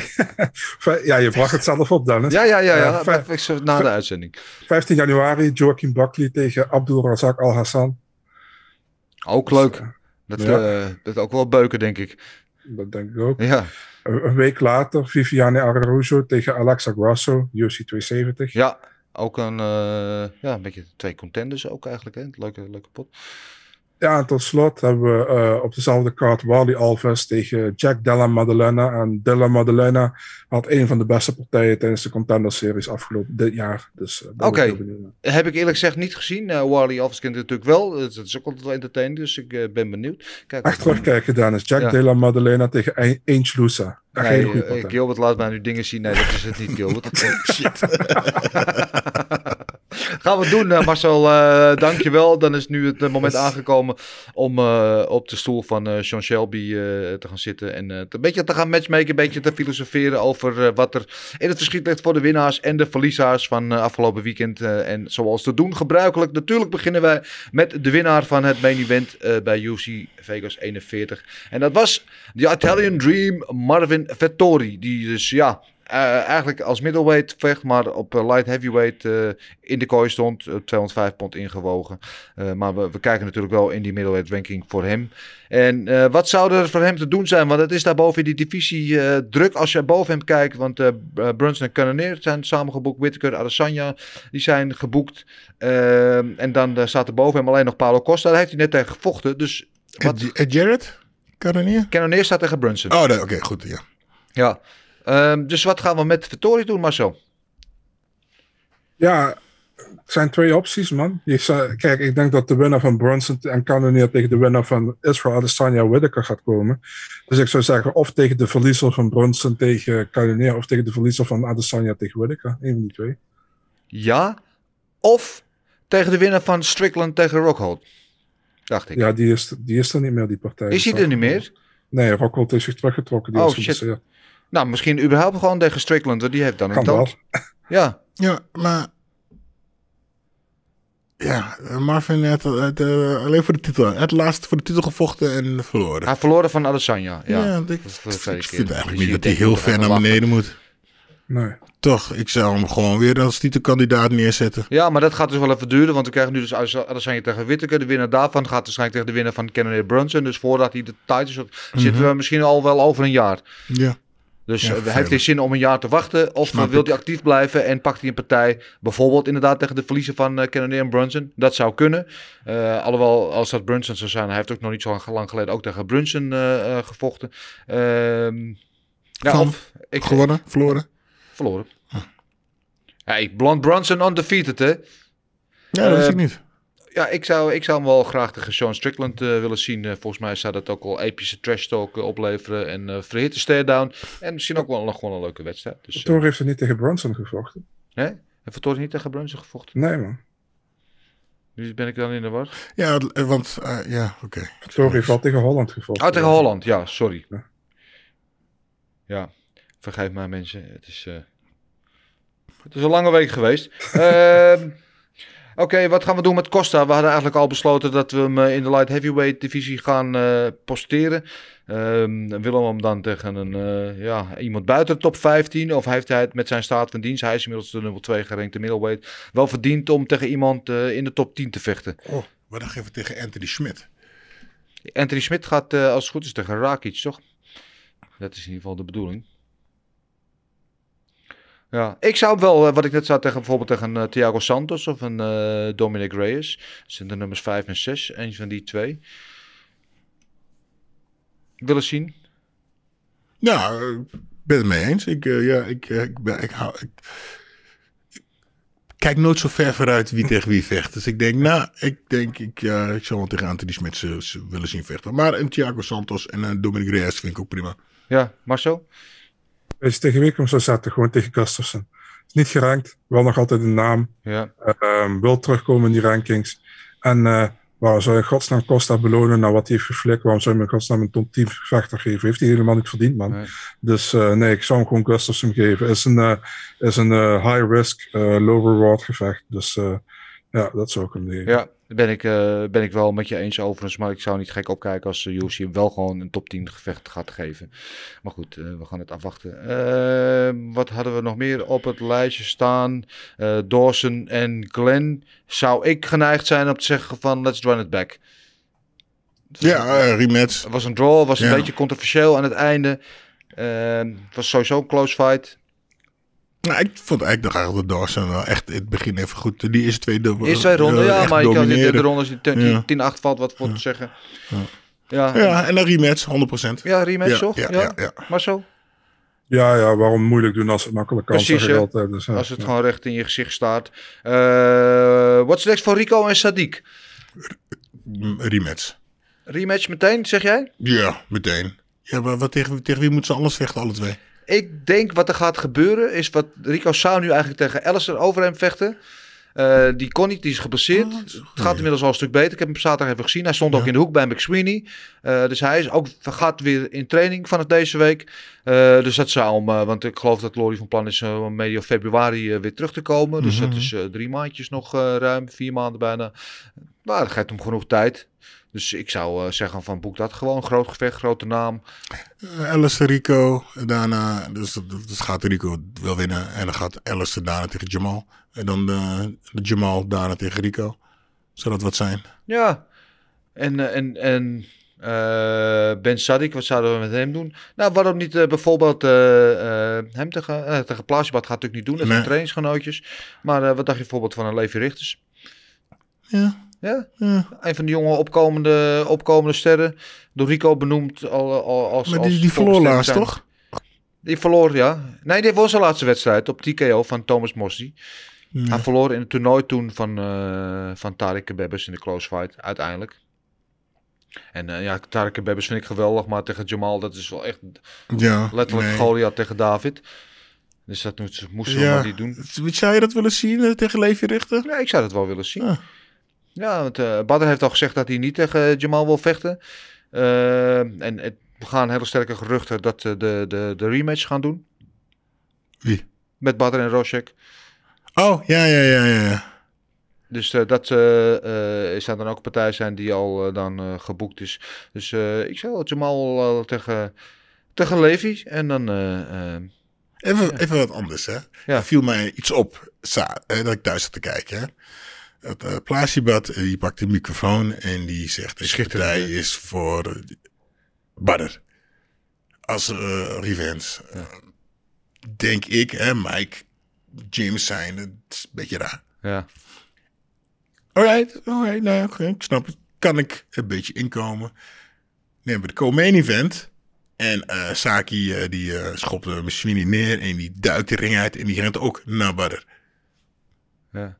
Ja, vond ik apart. Vond Ja. ik raar. Ik, uh, ik had het geluk dat ik uh, Saki de volgende dag zag en ik kon ik hem vragen. Ik zei, Ja. nou ja, goed, uh, hij heeft dus een hele goede band met. Ja. Nou, dat wisten we Ja, al. dat gaat ook heel lang. Ja. Ja, ja, maar ik vind het toch, hè, want ik heb, geen, ik heb Badden niet gezien tijdens de zware paar dagen dat zijn trainers waren van, eh, hè, doe dit of doe dat en eh, hè, je bent de beste en eh, je kan het en, hè, en ik denk dan persoonlijk, hè, ga eerst naar je trainer toe Mhm. en ga dan de ring uit naar een Mattie, een vriend, kennis. Ja. Nee, ik vond het een beetje, ik vond het apart. nou, Dus- overigens, Badr was daar natuurlijk, die zat daar de laatste wedstrijden als commentator. En uh, was, voor de wedstrijd kwam hij eventjes, want Hamisha natuurlijk trainingsgenootje van hem, Mhm. die uh, moest vechten. kwam hem even steun, steun uh, betuigen, dat vond ik wel mooi. Overigens was eventjes heads up voor alle kijkers en luisteraars. Zowel Hamisha, die dus afgelopen zaterdag die first round KO had, als Serkan Oskaglian, die ook een first round KO had en debuteerde neven Saki, zitten woensdag allebei bij Vechtersbaas. Ah, spannend. En daar verheug ik me wel op. Dus uh, check dat sowieso. Uh, ja, voor zover de matchmaking. Ik zou zeggen, laten we gaan naar een ieders behalve mijn favoriete onderdeel van dit programma. En dat is uiteraard, daar komt hij, gokken op Knokken! Ja, er waren weer wat puntjes te verdelen. Alhoewel er eh, matig punten zijn verdeeld, moet ik heel eerlijk zeggen. Ehm, dat heeft alles te maken met eh, de uitkomsten van de wedstrijden, uiteraard. Ehm, we hadden ehm, Costa Vittori, eh, hadden Marcel en Gilbert allebei Vittori voorspeld. Marcel op submission, dat werd dus een decision. Dat rijmt. Dus dat is één puntje daar voor jou. Marcel Gilbert had eh, eh, wel decision voor Vittori best- eh, besteld, voorspeld. Dus dat zijn drie punten voor jou. En ik was als enige weer eigenwijs. Ik dacht Costa gaat hem KO slaan. Kan me wel een paar keer dichtbij, maar Ja, niet. ja, dus nul punten daar voor mij.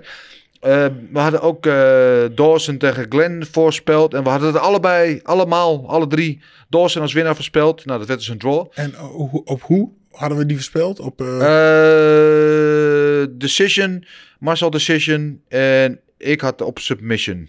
dat ruimt nog steeds. Ja, dat nog steeds. Ja, Lekker. Want het wordt bijna die tijd, hè.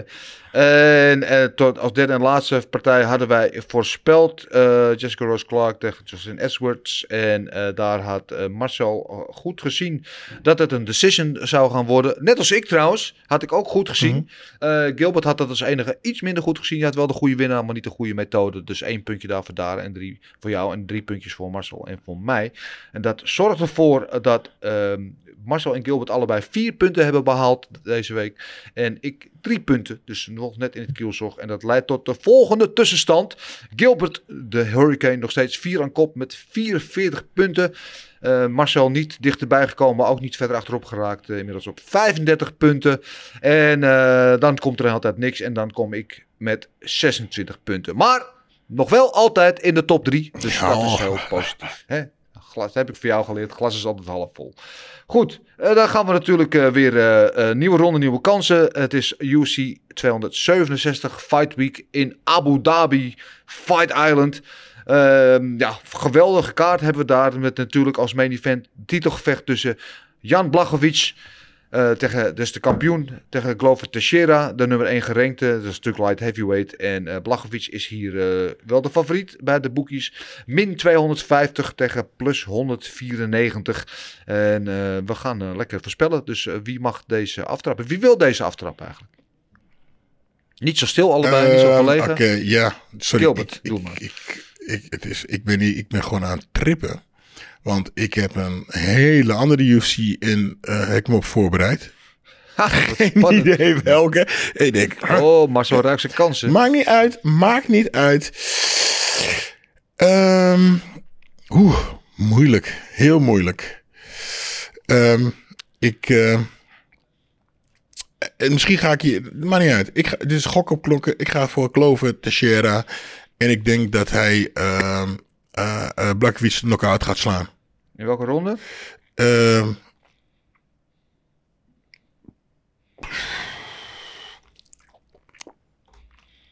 derde ronde. Derde ronde. Derde ronde KO uh, Teixeira voor Gilbert. Marcel. Ik vind het zo moeilijk partij om te voorspellen, want het ligt zo kort bij elkaar wat mij betreft. Um, ja, um, ik, ik, zat kijk, een beetje 50-50, maar um, ja, Gilbert heeft me overtuigd om nu voor Jan Blachowicz te gaan. Dus ik ga voor de eerste ronde KO voor Blachowicz. Ik denk hoe langer de partij duurt, dat Teixeira zelfs iets meer kans heeft. Maar uh, al klinkt het heel raar, maar toch denk ik dat. Maar uh, ja, ik ga voor Blachowicz, eerste ronde KO. Maar uh, ik vind het echt heel moeilijk, man. Het gaat echt allebei de kanten op. Ze liggen echt heel kort bij elkaar. Vind ik. Holy smoke. hij, hij, zit erin, toch? Hij is, hij is genoteerd. Dat kan ja, niet ja, hij staat echt hoe, opgeschreven. hoe bedoel alles. je, Jan, op KO? Ja, waarom niet? Ja, kan toch? Ja, nee, je hebt helemaal gelijk. The legendary Polish de... power. Ja, oké. Okay, nee, oké. Okay. Dus dat is niet erg. Meer ja. kans voor mij. Ik bedoel... ja, ja, weet je, als hij dan wint, eh, hè, waarschijnlijk niet met de KO, niet, loop je niet zoveel punten in. Dus. Nee, ja, ik vind het ook een hele moeilijke partij om te voorspellen. Ik heb uh, grote sympathie voor Blachowicz. En ik heb het verleden vaak de fout gemaakt om tegen Blachowicz uh, te gokken. En elke keer bewijs je mijn ongelijk. En uh, werd hij kampioen en bleef hij kampioen. En elke keer verbaast hij ons weer. En eh, hij is zo goed en degelijk op alle vlakken dat je eigenlijk voor gemak aanneemt en, en een beetje over het hoofd ziet. Uh, weten wat hij kan doen. Hij heeft bij, bij Adesanya natuurlijk goed met, met, met zijn druk op de grond. Heeft hij, heeft hij het gecontroleerd. Hij heeft natuurlijk ook vuur in zijn handen. Teixeira daarentegen misschien wel de beste bokser in die, in die light heavyweight divisie. En ik heb grote sympathie voor Teixeira, want ik heb hem ont- ontmoet. Hij was hier vorige maand was hij als eh, cornerman voor Alex Pereira bij Glory evenement. Heb een bier met hem gedronken, dus dat, ja, dan ben ik eigenlijk al een beetje partijdig. Dus ik ben echt, vind het echt heel moeilijk. Ik, ik denk, ik denk dat Blachowicz gaat winnen, maar ik ga toch op Teixeira, omdat ik gewoon dat, ja, Deze kerel, hè. Altijd, dat doet hij altijd. Ja, maar ik, vorige week heb ik het gemist, hè. Maar dan kom je met een... eh, ja, ja, ja. Ja, ik zeg dat Teixeira op eh, decision gaat winnen. Daar. Ik, ja, ik, heb nu, ik heb nu al een beetje spijt. Want ik denk dat het zomaar weer Blachowicz kan worden. Maar ik gun het Teixeira ook. Weet je, bij zijn 42 jaar dat hij eigenlijk toch nog die tight shot eh, krijgt. Dit- dit- En ja, dat hij gewoon, ja, weet je, eigenlijk al afgeschreven was door velen. En nu op een soort met een, aan de tweede jeugd begonnen is. En ik, ik, ik gun het hem zo. Dat is het Ik meer. denk, ja, ik denk echt dat iedereen het Texera gunt. ja. Ik gun het hem ook heel erg. Dus ik vind het ook echt heel moeilijk. Ik vind het echt een moeilijke wedstrijd. En ik, Hm. ik denk dat ze allebei kansen hebben om te winnen. Eh, maar ik, ja, ik, het is, ik heb het genoteerd. Ik kan niet meer teruggeloven te sharen op de decision. Dan gaan we naar de co-main event. Dat is ook eentje om naar uit te kijken. Dat is er eentje om de interim bantamweight title. Eh, daar zou eigenlijk Aljamain Sterling staan. De, de regerend kampioen. Maar dat verhaal kennen we allemaal. Die heeft zich teruggetrokken. eh wegens ja, nog niet goed genoeg hersteld van die nekoperatie. Eh, dus eh Piotr Jan zijn rivaal, natuurlijk die rematch die zou plaatsvinden, die staat nu voor de interim belt tegen de Sandman Corey Sandhagen. En het is een matchup waarvan heel veel mensen denken dat het wel misschien een, een upgrade is van eh, de, het gevecht tegen Sterling. Want je weet, dat zijn de twee staande vechters. Die willen met elkaar het gevecht aangaan staand. eh, waar Sterling natuurlijk meer een worstelaar is. Dus eh, wat mij betreft in ieder geval, ja, ik, ik kijk hier meer naar uit dan naar die rematch. Ik weet niet hoe jullie daar tegenaan kijken. Dus in ieder geval, Jan is de nummer 1 gerankte, Sandhagen de nummer 3 gerankte. En Jan is wel significante favoriet bij de bookies opening odds. Min 250 tegen plus 200 voor de underdog eh, Corey Sandhagen. En eh, ja, wat denken jullie? Marcel. Ja, ehm, ja, de tweede title defense van eh, Jan. Sorry, Ja. ik zeg het gewoon wat ik vind. Eh, ehm, ja, leuke partij. Wat ik denk, eh, ik vind Sandhagen ook een hele goede vechter. Ik zie hem graag vechten. Ik vond eigenlijk dat hij van TJ gewonnen had. Dat vond ik ook. Maar goed, hij verloor hem. Maar hij krijgt nu alsnog title shot. is goed voor hem. Ja, Jan. Ja, Jan heeft eigenlijk nog vrij weinig problemen gehad in de UFC tot dusver. En eh, ook tegen Sterling was hij gewoon beter. Ja. En eh, ja, tot hij die, eh, die illegale knie landde. En Sterling had iets minder in zich van Alex Caceres. En ja, het, het, het eindigt in disqualificatie. Ehm, ja, ik denk dat Sandhagen stylistisch gezien voor Jan een van de meest vervelende partijen is die hij kan hebben in de UFC. Maar toch denk ik dat Jan dat wel gaat winnen. Ehm, ja, decision ga ik voor in deze. Ik, denk- ik denk niet dat hij hem finisht. En uh, eh Sandhagen is super taai, man. En ehm, misschien, misschien als Jan hem naar de grond brengt, kan Jan hem daar finishen. Want Jan heeft ook gewoon een hele goede ground game. Alleen Mhm. je ziet het niet heel vaak. Mhm. Ehm, nee, decision dan voor, eh voor Pure Jan. Decision, Piotr Jan. Ja, het is een wedstrijd, ehm, ja, wat ik ze net al zei, attractief op voorhand. En eh, beide die graag staand gevecht aan gaan. En, en ik denk dat het verschil gemaakt gaat worden tussen weet Jan, die, die natuurlijk denk ik wel wat meer power heeft, het explosiever is. En, en, en maar uh, heel goed met die, die toch met zijn draaitrappen en zijn, en zijn gesprongen knieën en zijn, en zijn spectaculaire technieken. Als hij hem op afstand weet te houden, dan zal zijn kans, kansen stijgen. En uh, zo niet, uh, dan zal het moeilijk worden om Jan van hem af te houden.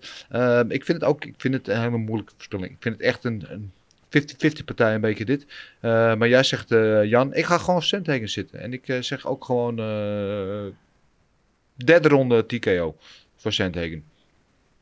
Oké. Okay. um, nou, uh, Pieter. Um, ik zeg hem hè, vechten tegen, die, tegen de, de, acteur. En zo goed vond ik hem. Zo debiel goed. En ja, uh, Zouthagen, uh, ja, ik, uh, hij is natuurlijk gewoon leuk met zijn knie en zijn draaitrappen. Maar zijn laatste partij was hij te druk bezig om, in mijn mening, er cool uit te zien. En alles te beslissen met één knie of één trap of één stoot. Dus ik denk ook niet dat hij het dat hij het uh, gaat halen. Uh, hij is wel taai. Ik ga ook helaas, uh, dat is dit keer, dit is niet tactisch. De volgende wordt wel tactisch. ik ga ook voor een, een, een, een hoe noem je dat? Een puntenoverwinning van Peter. decision, dat hij wint op decision. Ook decision voor Piotr Jan van, van Gilbert. Dus dan ben ik weer de enige die het anders heeft. Dan zal ik wel weer de lul zijn. de derde partij die we gaan bespellen is er eentje in de lightweight divisie. En dat is ook een hele interessante tussen Islam Makachev en uh, Dan Hooker. En er is natuurlijk wel een verhaal aan vast. Want uh, Makachev zou uh, geloof ik de 87ste keer tegen Dos Anjos vechten. viel we uit. Dus, en dat was door Dan Hooker. Die net twee weken geleden zo in Las Vegas heeft gevochten.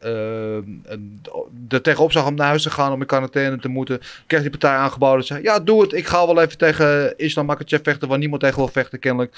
Ik neem die partij. Ik ga van Las Vegas door naar Fight Island. En ik ga gewoon even de moeilijkste gevechten uit mijn carrière aan. Dus nou, dikke vette respect aan hem. Sowieso, ongeacht de uitkomst daarvan. En hebben het over uh, Makachev is de 50 gerenkte tegen de nummer 6 gerenkte Den Hoeken. Dus uh, wat dat betreft ook al interessant in de ranking. Min 575 is. Makachev de favoriet. De plus 300 voor Den Hoeken, dat is uh, 50 1 bijna. Dus uh, zo, nou, de boekjes zijn het in ieder geval over eens. De vraag is, zijn wij het erover eens dat Makachev inderdaad hier ehm, de grote favoriet is? Wie wil deze beginnen? Hmm, ja, ik begin wel. Om, uh, omdat Gilbert bovenaan staat, begin ik wel. um, Ja, weet je, ik vind de, de, de odds zijn wel heel erg respectloos naar Den Hoeken, moet ik zeggen, man. Ja. Ik bedoel, met 75, dat is uh, alsof je uh, dinges uh, David tegen Goliath hebt. Bijna. Um, ja, ik, ik, ik vind Hoeker een hele goede vechter. Begrijp me niet verkeerd, maar ik vind Hoeker geen top van de divisie. Hij kan mee met de top, hij kan het uh, interessant maken, maar ik zie hem nooit een kampioen worden, als ik heel eerlijk ben. En Islam Makachev heeft dat wel. Hij heeft die, die ground game wat heel goed is, zijn stand-up wordt ook beter. Uh, mensen zeggen hij is een Khabib 2.0, ben ik het niet mee eens. Dat heeft hij nog niet bewezen, vind ik. Maar hij wordt wel steeds sterker. Hij heeft eigenlijk maar één partij verloren. Dat was een flash knockout tegen Adriano Martins. Dat ja. is al jaren geleden. Um, en Hoeker neemt heel veel schade vaak in partijen. Weet je, dat heeft hij niet tegen Hakparas gedaan, omdat hij heel veel, heel veel heeft geworsteld. Maar dat gaat hij deze partij niet kunnen doen, omdat gewoon Makachev een betere worstelaar is, denk ik. Uh, dus Hoeker moet het van zijn staande gaan hebben in deze partij. Maar ik verwacht dat Makachev het naar de grond gaat brengen. Um, gaat hij het ook beslissen op de grond? Het zijn maar drie rondes, zijn er geen vijf. Dus dat zie ik niet gebeuren. Ik ga voor Makachev, maar wel met een decision. Makachev op decision. Ja, ik ben het met jou eens. Dat ik vind Hokker uh, is voor niemand een makkelijk gevecht. Het is echt wel een goede vechter. Hij hoort ook echt in die top 10 thuis. Maar zijn uh, plek is in mijn ogen ook al ergens tussen die plek 5 en 10. En uh, daar ligt denk ik ook uh, zijn plafond. Uh, neem niet weg dat het gewoon wel een geweldige vechter is. Die niemand uit de weg gaat. Zoals nu ook weer blijkt. Dus het zal inderdaad ook geen makkelijke pot worden voor Makachev. Maar ik vind Makachev wel een van de grote beloften. Ook in deze divisie. Die wel het in zich heeft om nog een paar plekjes te stijgen. En uh, misschien zelfs inderdaad ook wel voor die bel te vechten. Dus ik ga ook voor Makachev. En um, ik moet wel in, oogschouw nemen die de hele aanloop natuurlijk naar Hoeken die hij heeft gehad. Natuurlijk weg van huis aan het trainen in Las Vegas. En uh, uh, nou, lang onderweg net een gevecht gehad. Uh, ik denk dat het uiteindelijk misschien wel een rol gaat spelen. Gaat zijn vrouw en kinderen pas in Fight Island zien. Die worden daar naartoe gevlogen door UFC. Dus ik ga ook voor Makachev. Ik denk wel dat hij hem gaat finishen. Ehm, laat in de wedstrijd derde ronde. Dus ik ga voor een TKO. Waarschijnlijk ground and pound derde ronde Makachev. Gilbert, laatste woord aan jou. Ja. Um, nou, ik ga de hele andere kant op. Um, ik niet. Ik vind die uh, makketje wel oké, okay, maar ja, ik, ik, ik, daar moet ik mee uh, met Marcel uh, meegaan. Ik vind hem wel oké, okay, maar ik heb nog niet echt gezien dat hij. hij is, is, een beetje te netjes. Te netjes, een beetje saai. Weet je? Ja. Den Hoeker heeft net gevochten. En um, zit nog een beetje los en heeft niks te verliezen. Dus weet, weet je wat hij gaat doen? Nee, ik ken dat niet. Ik ken dat niet zoals jou. Ik, uh, ik, ik heb het geproefd. ik kan dat gewoon echt niet. Oh, Spin it out. Nee, nee, nee, nee. Ik, uh, Makachev gaat hem, uh, die, die gaat hem winnen. En ik denk een submission in de derde ronde. In de derde ronde. Oké, okay, ja. Okay, ik kan er een heel mooi verhaal van maken. Maar ik, ik vond Daan Hoeken wel oké. Okay, de vechter de laatste tijd. Mm. Maar het is een oké vechter. En daar blijft het respectvol bij. Ja. Oké, nou de kaarten zijn geschud voor eh UFC 267 eh, Abu Dhabi. We gaan eh, het allemaal zien wat het oplevert. Overigens komt er net echt vers van de pers een berichtje binnen via nu.nl. dat Glory dus ken ik bekend heeft gemaakt dat ze eh, 19 februari inderdaad het volgende evenement hebben. Weer in het Gelderdoom. En dat de bedoeling is dat zowel Rico als Alistair als Badr allemaal op dat evenement gaan vechten. Dus daar hebben we daar in ieder geval weer wat, wat om naar uit te kijken. Dan weten jullie dat ook vast. Eh, ja, dan zijn we weer aan het einde gekomen, jongens. Het eh, vloog weer voorbij de tijd. Toch weer eh, bijna vijf kwartiertjes zitten ouwe horen hier. Dennis, Ja, maar nog een tip geven voor eh, deze week. Ehm, dat zijn de PFL Championship evenement. Dat is op woensdagnacht. woensdag, hè? Ja. En, zes titelgevechten, negen gevechten totaal volgens mij.